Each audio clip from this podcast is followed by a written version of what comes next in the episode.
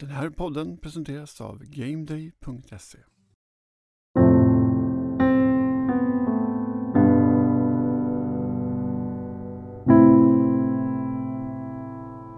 Hej och välkommen till ett nytt avsnitt av NFLs Supporter Dokumentär. Poddserien där vi gräver i NFLs arkiv efter historier som är värda ett varv till i rampljuset. Ja, det har blivit dags för en helt ny säsong och vi är ju faktiskt skyldiga er några avsnitt även från förra året där covid ställde till det lite för oss med både ett och annat. Vi kommer bland annat lite senare i höst ta upp det här med Pittsburgh Steelers och Bill Nunn. Och det ämnet har ju trots allt blivit än mer aktuellt nu när Bill Nunn har blivit invald i Hall of Fame. Det ämnet lämnar vi dock till sedan, men vi ska faktiskt tangera det lite idag genom att vi ska prata om det här med scouting. Det finns väl ingen anledning att vila på hanen här, utan vi rullar igång årets säsong direkt tycker jag. Vi ska titta på ett av 70-talets andra storlag i form av Dallas Cowboys och vad som hände när de parade ihop en tv-producent, en babyfotograf och en indier. Throws right side for Dyson. He dives for the end zone. Didn't make it. No good. Wide right. Just win, baby. Due to the various uncertainties surrounding my position as it relates to the team's new ownership, um, I've decided to resign as the head coach of the New It's York only Jets. four words. This one's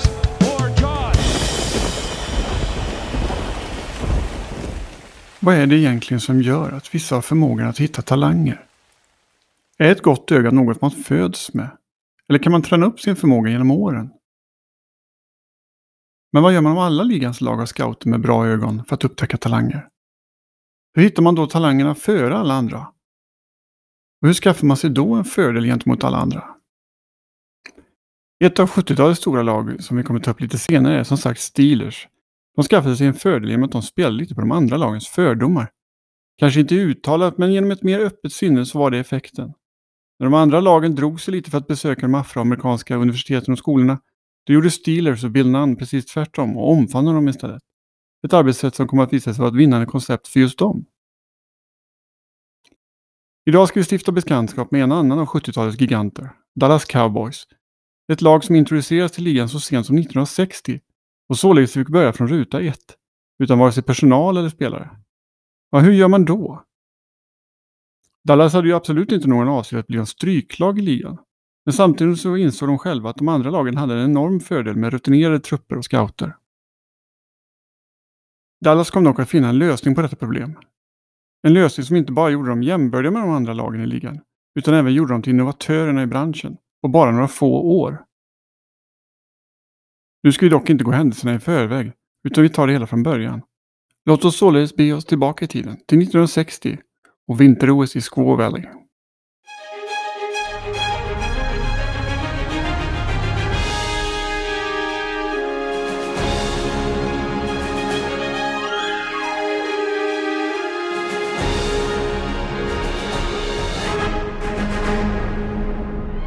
This, as you know, is the greatest spectacle in all winter sport. The world's best skiers and skaters have come to this remote valley with the odd sounding name, Squaw Valley. Thousands of people arrive for the opening of the games. They come over new highways by car and by bus. The compactness of the area will enable... the 1960 så hölls de olympiska vinterspelen i Squaw Valley Kalifornien. Med tanke på den relativa närheten till Hollywood var det här kanske mest kändistäta spelen genom tiderna och självaste Walt Disney arrangerade både invignings och avslutningsceremonin. Spelen var också en milstolpe tv-mässigt då det var första gången som det amerikanska folket kunde följa spelen direkt i tv. Visserligen inte i någon större utsträckning, men under spelens 11 dagar guidade självaste Walter Cronkite tv-tittarna genom hela 13 timmar av både direktsänd och bandad tv. I jämförelse kan vi säga att de amerikanska bolagen sände över 2400 timmar OS från de senaste vinterolympiska spelen i Sydkorea. Men någonstans måste man som sagt börja och 1960 så var 13 timmar OS alldeles lagom. Ansvarig för sändningarna från CBS sida var en uttrycksfull journalist vid namn Texas Ernest Schramm Jr. Namnet till trots var han bördig från Kalifornien och han hade efter avslutade studier jobbat några år inom Los Angeles Rams organisation med PR-frågor. 1956 så ringde dock CBS och efterfrågade hans tjänster. Väl där avancerade han snabbt och han blev ansvarig för hela kanalens sportsändningar. Sportsändningar från Squaw Valley var inte bara en triumf för tv-mediet som sådant, utan bjöd även på många andra innovativa idéer. Till exempel hjälpte IBM till med en massa datorer som bland annat hanterade tabeller och poängräkning för CBS räkning. Vidare hade de även sensorer som kunde mäta hur fort skidåkare åkte i spåren och så vidare. Alla dessa nymodigheter fascinerade Schramm som såg enorma möjligheter i dessa datorer. Framförallt var han nyfiken på om tekniken på något sätt kunde underlätta arbetet med att analysera spelare inom den amerikanska fotbollen. Nu var kanske inte de hektiska dagarna under OS den idealiska platsen för att diskutera framtidsplaner med IBMs tekniker. Men Schramm kunde liksom inte riktigt släppa idén kring datorer. Tiden han hade varit borta från fotbollen hade givit honom en välbehövlig tid för reflektion. Och med facit i hand på många spelare så insåg Schramm att han överskattat unga spelare och underskattat de äldre och mer rutinerade. Vidare i sin analys av sig själv så insåg han också att han var väldigt fascinerad av fart. Var en spelare snabb så kunde man mer eller mindre bortse från allt annat. Likaså hade han noterat bland scouter i ligorna att spelare från till exempel Big Ten-skolor ansågs som bättre bara för att de kom från rätt läroverk. Nej, Schramm ville bort från subjektiva värderingar och kanske var de nyvunna vännerna på IBM en framtida möjlighet. Trots sin relativt fina och nya anställning på CBS så hade Schramm hela tiden längtat tillbaka till NFL. Faktum var att han redan var på väg bort från tv-bolaget. Månaden innan OS hade NFL annonserat att ligan skulle expandera med ytterligare ett lag. Denna gång i Dallas, Texas. Något som Schramm långt innan det blev officiellt hade snappat upp via djungeltelegrafen genom sina gamla kontakter inom fotbollen. Bears ikoniska ledare George Halas hade hjälpt Schramm att komma i kontakt med Dallas ägare Clint Murchison Jr.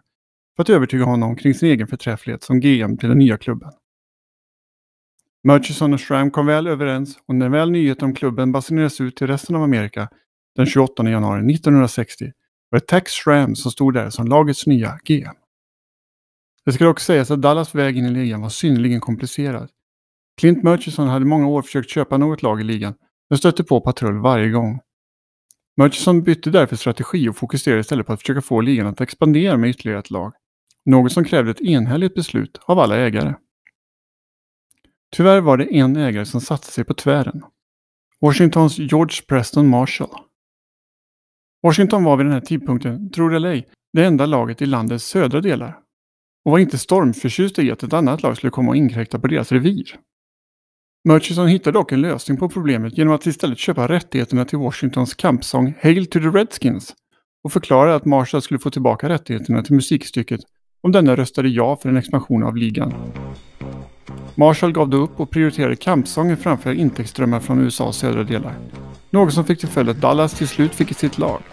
Men någonstans där så cementerade Cowboys också sin relation till Washington. En något ansträngd sådan. Dallas, Dallas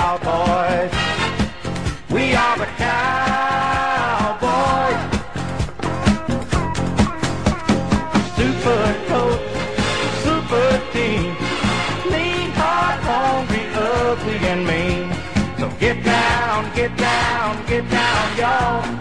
Dallas Cowboys. Cowboy football. Väl på plats i klubben anställde Shram en gammal kollega vid namn Gil Brandt som lagets nya personalchef. En man som startade sin yrkesbana genom att vara fotograf på sjukhus och fotografera nyfödda bebisar. Brandt och Shram hade lärt känna varandra under tiden i Rams, där Brandt jobbat med scoutingfrågor. Schramm hade visserligen kunnat tänka sig att anställa ytterligare en före detta kollega från Rams organisation. Men där hade ligan hunnit före och redan snabbat upp Pete Russell som tillträdde som ligans VD 1960. Som head coach för det nya laget kontrakterade han en av topplaget New York Giants assisterande coacher i form av deras defensiva koordinator Tom Landry. Noterbart i sammanhanget är att Giants offensiva koordinator Vince Lombardi året innan hade lämnat för jobbet som HC Packers. Så man kan säga att eh, Giants var en hyfsad plantskola vid den här tiden. Även om firman Shram, Landry och Brandt idag bär en lätt ikonisk status så började deras tid i Dallas tämligen trögt. Det var självfallet inte lätt att vara nykomling i ligan. Att de dessutom äntrade ligan precis efter årets draft gjorde inte saken direkt lättare heller. Laget fick dock en näve spelare från andra klubbar genom en så kallad expansion draft. Men det var som ni säkert förstår inte direkt toppskiktet av spelare som de andra klubbarna delade med sig av. Första säsongen i klubben blev således av förklarliga skäl synnerligen medioker. Kanske till och med rent utav usel. Men Schramp var inte dummare än att förstå att Dallas var ett långsiktigt projekt som naturligtvis inte skulle ta hem mästerskapet under sitt första år. Med tiden skulle man få medverka i draften och få tillgång till de stora talangerna precis som alla andra. Och det var där man hade sitt stora fokus. Dallas ledartrio var övertygad om att framgången byggdes genom draften och lade allt sitt krut på att förfina sin process kring denna aktivitet. Enda problemet var ju det där med att det krävde på något sätt att man gjorde valen i draften bättre än alla de andra lagen. Och hur gör man då det? På något sätt ska man ju då helst veta mer än vad de andra lagen vet om de prospects som ska in i ligan.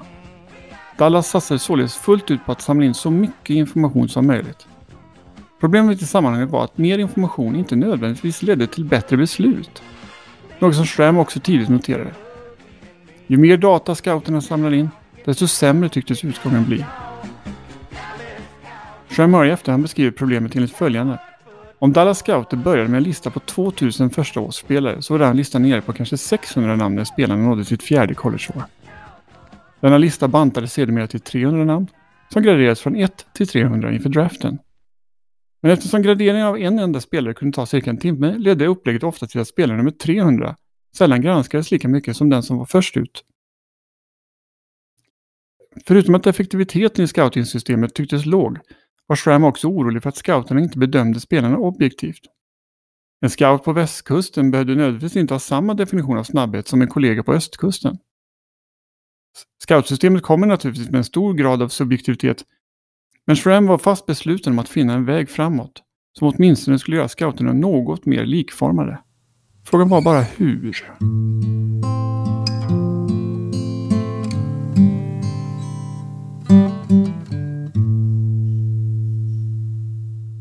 1961 lyckades klubben åtminstone vinna fyra matcher. Men Schramm insåg att något radikalt behövde göras för att snabba på cowboys utveckling. Och kom då att tänka på IBMs datamaskiner. Som han hade fått stifta bekantskap med under sin tid på CBS. Schramm lyfte således luren och kontaktade IBM för att prata lite om vad de skulle kunna göra för ett professionellt fotbollslag. IBM lyssnade på Schramm och hans problem och satte honom i kontakt med en 26-årig programmerare från Indien, Salam Qureshi. Salam Qureshi hade anlänt till USA två år tidigare och var visserligen duktig i sitt yrke, men väldigt mycket i USA var väldigt nytt för honom. Framförallt det här med amerikansk fotboll. Qureshi hade inte idrottat själv men hade viss förståelse för cricket. Något som hade gjort honom intresserad av baseball när han kom till USA.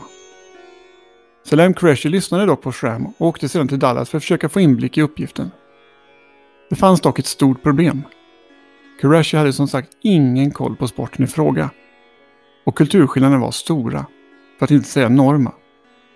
Ett roligt exempel på detta var när Salam Qureshi skulle flyga hem till Kalifornien efter sitt första möte i Dallas. På vägen till flygplatsen bad han plötsligt chauffören att stanna till vid en matvaruaffär eftersom han var tvungen att köpa bacon.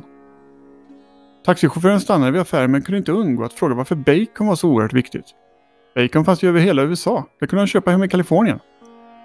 Det är ju inget speciellt med baconet i just Dallas. Qureshi förklarade då för taxichauffören att hans chef hade bett honom att “to bring home the bacon”. Taxichauffören började då skratta och förklarade för den stackars indiska programmeraren att han nog missuppfattat situationen en aning.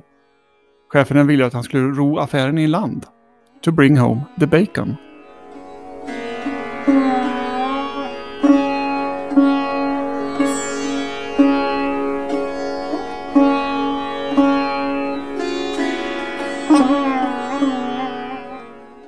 Qureshi hade dock lyckats ro affären i land. Några dagar efter hemkomsten till Kalifornien blev Qureshi inkallad på sin chefs kontor. Chefen lät meddela att Qureshi tydligen hade gjort ett väldigt bra intryck borta i Dallas. Qureshi frågade då hur chefen visste det. Jo, Tax Fram ringde precis och bad mig skicka hit den där Indien igen så fort som möjligt. Strax därpå återvände han till Dallas för att sätta upp lagets nya scoutsystem tillsammans med personalchefen Gilbrandt. To the town of our free rode a stranger one fine day. Hardly spoke to folks around him, didn't have too much to say. No one dared to ask his business, no one dared to make a slip. The stranger there among them had a big iron on his hip. Första uppgiften på deras agenda var att på något sätt kvantifiera en människa. Vad kännetecknar egentligen en duktig fotbollsspelare? Problemet var att alla scoutingrapporter på den här tiden till mångt och mycket handlade om scouternas goda öga för saker och ting. Och var som sagt aningen godtyckliga. Och inget som man kunde stoppa in i en dator direkt. Brent och Qureshi började därför intervjua scouter för att få ett grepp om vad en bra spelare egentligen var. Ganska tidigt i intervjuerna började Brandt och Qureshi förstå vidden av problemet. Då kommentarer likt “Han är snabb som en leopard” eller “Han är stark som en oxe” var tämligen vanligt förekommande. Och efter avslutat arbete hade de drygt 260 fraser framför sig som alla uttryckte att en spelare var bra. Ingen av dessa mått var kvantifierbara. Ingen av dessa fraser kunde man stoppa in i en dator. Fraser som “snabb som blixten” hjälpte självfallet ingen. Och Brent och Koreshi förstod att man behövde gå djupare i detta för att hjälpa scouterna på traven lite. Vissa saker som vikt, längd och snabbhet går trots allt att kvantifiera. Medan andra är mer subjektiva. Att dessutom scouterna lämnat dem med drygt 260 fraser var också ett problem. Dåtidens datorer klarade bara av cirka 80 variabler. Brent och Qureshi bantade dock ner antalet betänkligt och landade på åtta stycken grundläggande variabler. Vikt, längd och snabbhet, som går lätt att sätta ett mått på, kompletterades med karaktär, kvickhet och kraftkontroll, tävlingsinstinkt, mental styrka samt styrka och explosivitet. Dessa åtta kriterier kompletteras med ytterligare åtta som var specifika för den positionen som skulle dokumenteras. För en VR la man således in parametrar som till exempel blockering, eller hur bra de var på att fånga bollar på kort avstånd, långt avstånd eller i trafik, det vill säga bland folk. Detta innebär då att varje spelare hade 16 kriterier som scouterna ombeddes att betygsätta på en skala mellan 1 till 9, där 1 var dåligt och 9 var bäst. Skalan var inte heller någon slump, utan Koresh hade kommit fram till att en människans hjärna ändå inte klarar av en större skala än så. För att undvika semantiska problem, det vill säga att se till att ett päron alltid är ett päron när scouterna börjar fylla i sina rapporter, så exemplifierades varje grad med ett textexempel. Om man till exempel skulle bedöma en spelares rörlighet så kunde en nivå 4 exemplifieras med en text som beskrev att spelaren har problem med att genomföra en viss specifik övning på träningen. Slutligen så kompletterades listan med ett övergripande värde, 1-9, där scouten fick fylla i sannolikheten att en spelare skulle nå NFL. Genom att införa detta system så kom laget bort från problemet att scouterna beskrev spelare olika. Eller som Techstram sa, vi slapp höra att en spelare var snabb som en katt, men en annan var lika snabb som två katter. Brandt och Qureshi var dock inte färdiga där, utan adderade även ett viktat scoutfilter i datorn.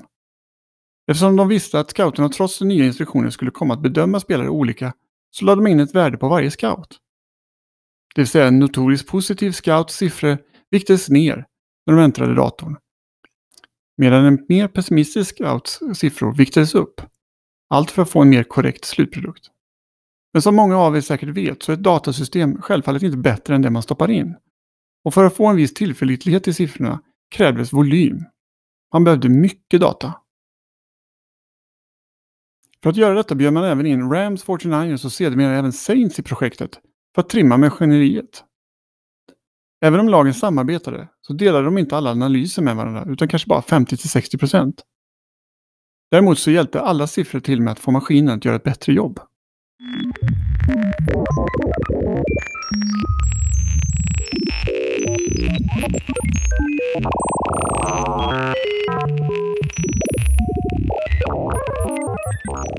Ja, hur bra var då denna maskin? 1967 gjorde man ett test, en mock draft skulle man kunna säga, för att med facit i hand stämma av hur precis maskinen var. Underlaget var på 1963 års spelmaterial. Namn som spottades ut var bland annat Namath och Dick Butkus. Något som även vanliga dödliga scouter hade listat ut. Den stora vinningen i Symen låg dock i att det visade sig vara duktig på att hitta spelare som inte var så uppenbara. Spelare som andra lag hade missat. Framförallt från mindre skolor. Och det var just här som själva poängen i systemet låg. En aspekt som andra lag ofta missade. När de arrogant påpekade för Dallas-killarna att till och med en idiot hade kunnat lista ut att Joe Namath var bra. Men där låg som sagt inte själva poängen. Techstrand sa en gång att målsättningen var att urskilja vilka spelare i draften som hade en karriär.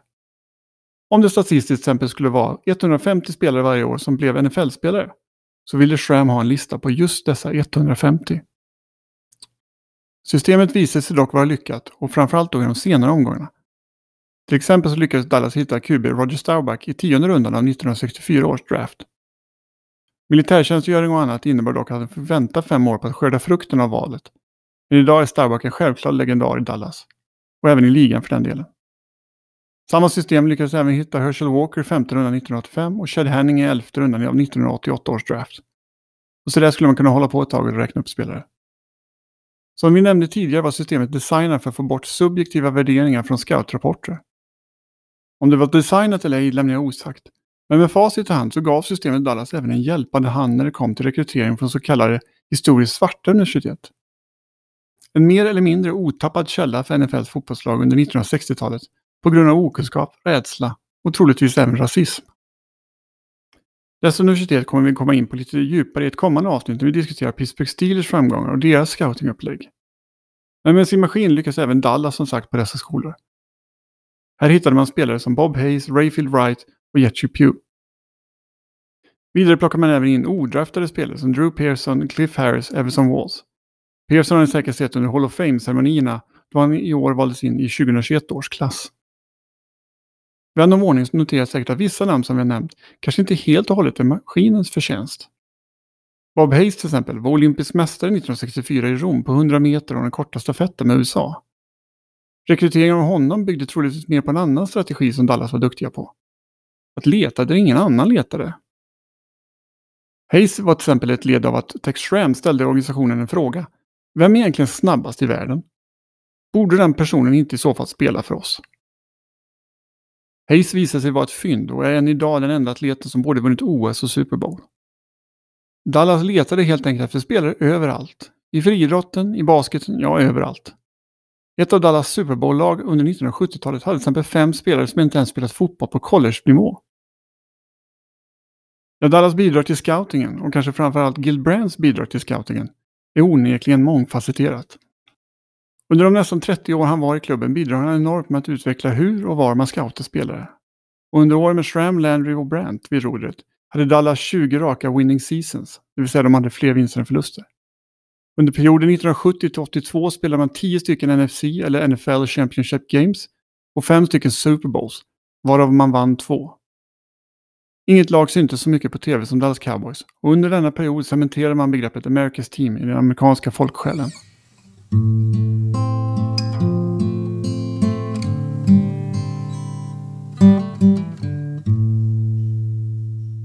När Murchison 1984 sålde klubben till en man vid namn Bump Bright gav han en miljon dollar var till Landry, Schramm och Brandt som ett tack för deras bidrag genom åren.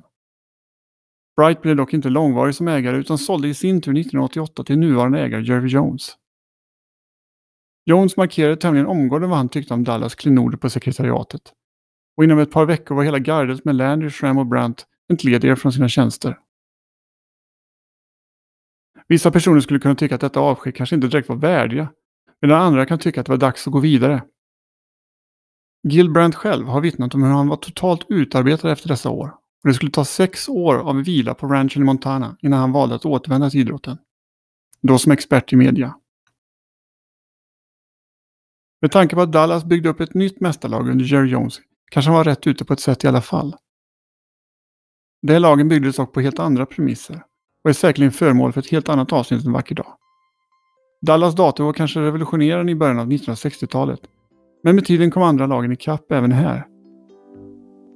Något som började med en jättestor maskin som täckte ett helt rum finns idag i var man, vid var scouts bakficka, även om många inte vill erkänna det fullt ut. Den här tekniska utvecklingen är självfallet naturlig och förringar på intet sätt det bidrag som Schramm, Brandt och Crashy gjorde till den moderna scoutingen i NFLs historieböcker är de för alltid inskrivna som pionjärerna som förde in den moderna tekniken och datorerna i NFL.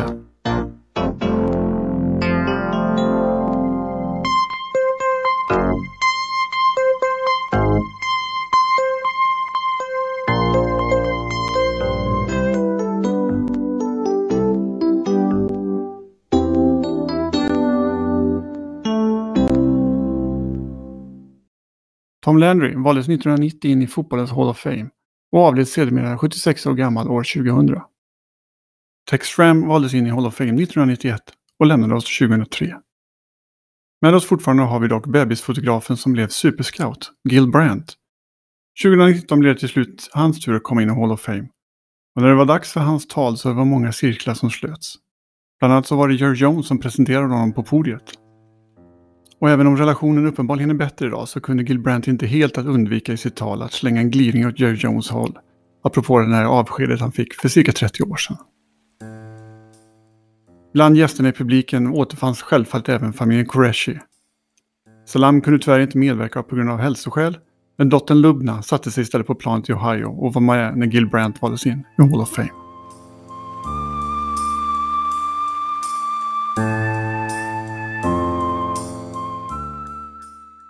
Det var alltså historien om Dallas Cowboys och hur de har påverkat scoutingen i NFL. Om du har några bra historier som du vill dela med dig utav så hör gärna av dig till oss på NFL Supporter. Du når oss lättast på info.nflsupporter.se info.nflsupporter.se Tills nästa gång vi hörs, ha det riktigt gott. Hej!